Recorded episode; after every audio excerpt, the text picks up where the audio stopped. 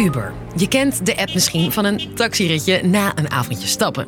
Maar het bedrijf is nu vooral negatief in het nieuws. Groot nieuws uit de Uber-files. Heel opvallend.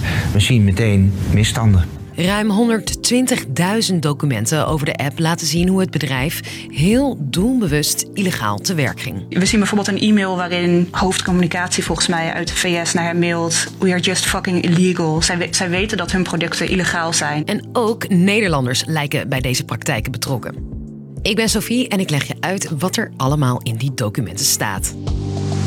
Lang verhaal kort. Een podcast van NOS op 3 en 3FM. Een enorme bak aan geheime informatie over Uber dus, die de Uber-files worden genoemd. Linda van der Pol onderzocht het, samen met een hoop collega-journalisten uit binnen- en buitenland. Het is heel uitzonderlijk om zo'n lek van zo'n grote multinational in handen te hebben met zo ontzettend veel documenten en die zo'n ontzettende inkijk geeft in zo'n bedrijf in Europa. Dit is echt heel groot. Om te begrijpen waarom die documenten belangrijk zijn, moeten we eerst even terug naar 2014, toen Uber nog lang niet zo bekend was als nu. Het Amerikaanse taxiplatform wil hun app ook zo snel mogelijk in Europa lanceren en dus ook in Nederland. Doen ze door de dienst Uberpop uit te rollen. En dat is eigenlijk een taxidienst waarbij niet-officiële taxichauffeurs zich kunnen aanmelden bij de app en die gaan dan mensen vervoeren. Dat doen ze heel erg goedkoop. Dat is 50% goedkoper dan, uh, dan een gewone taxi in Nederland.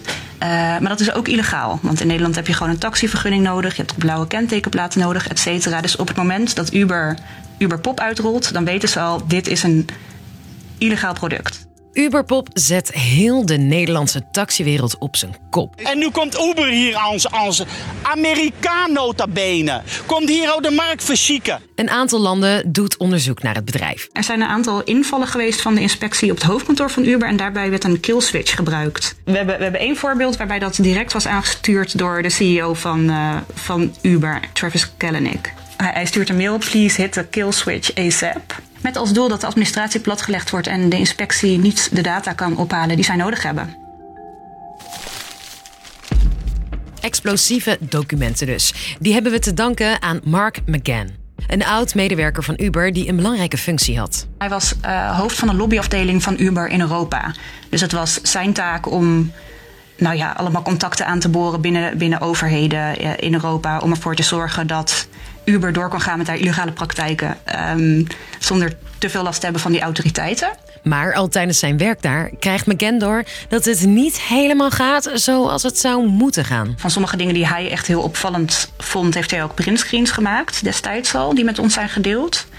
Um, dus hij heeft ongetwijfeld destijds het gevoel gehad dat niet alles helemaal in de haken was bij Uber. En het is ook, is ook duidelijk, hè, want we zien bijvoorbeeld een e-mail waarin hoofdcommunicatie volgens mij uit de VS naar hem mailt: We are just fucking illegal. Zij, zij weten dat hun producten illegaal zijn en dat dat hen problemen gaat opleveren. Maar die moeten zij zoveel mogelijk proberen te nou ja, downplayen eigenlijk. Uiteindelijk is McGann klaar met de werkwijze van Uber.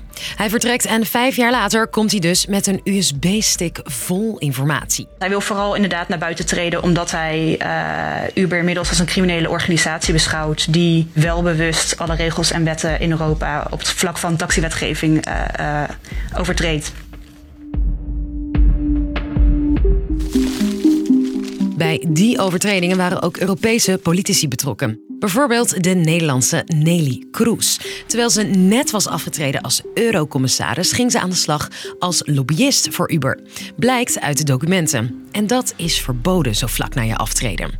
Kroes is door al haar contacten in de politiek erg belangrijk voor het bedrijf. Op een gegeven moment dan vallen de inspectie, transport en leefomgeving en de politie die vallen in bij Uber omdat zij documenten willen hebben. En dan zie je dat Nelly Kroes meteen wordt ingezet als een soort politiek geheim wapen om rond te gaan bellen in Den Haag om ervoor te zorgen dat die, uh, nou ja, dat, dat, die, dat die inval stopt. Um, en dat het strafrechtelijk processen daarop volgt dat zij, dat, dat, dat zij daar invloed op uit probeert uit te oefenen of, of te stoppen. Ook de Nederlandse Belastingdienst speelt een rol. Tijdens het onderzoek naar Uber deelt de Belastingdienst belangrijke gegevens met het bedrijf. Want wat zien wij in de data? Um, dat de Belastingdienst vervolgens tijdens dat Europese onderzoek um, Uber steeds informeel op de hoogte houdt van de stand van zaken van het onderzoek. Uh, deelt ook de standpunten van lidstaten met Uber. Uh, dat is in strijd met de, met de geheimhoudingsplicht van de Belastingdienst. Nelly Kroes en de Belastingdienst ontkennen dat ze regels hebben overtreden. De Europese Commissie gaat wel onderzoek doen naar de gelekte documenten. Dus, lang verhaal kort. De Uber-files zijn ruim 120.000 mails, notities en gesprekken uit de top van het bedrijf. Ze laten zien hoe Uber met een illegale dienst Europa veroverde. En het lijkt erop dat de Nederlandse oud-politicus Nelly Kroes en de Belastingdienst het bedrijf een handje hielpen. Wat voor hen de consequenties zijn, is nog niet bekend. Dat was hem weer. Morgen rond de klok van vijf natuurlijk weer een nieuwe aflevering. Helemaal openbaar, open en bloot. Hup, in je podcast-app. Joe!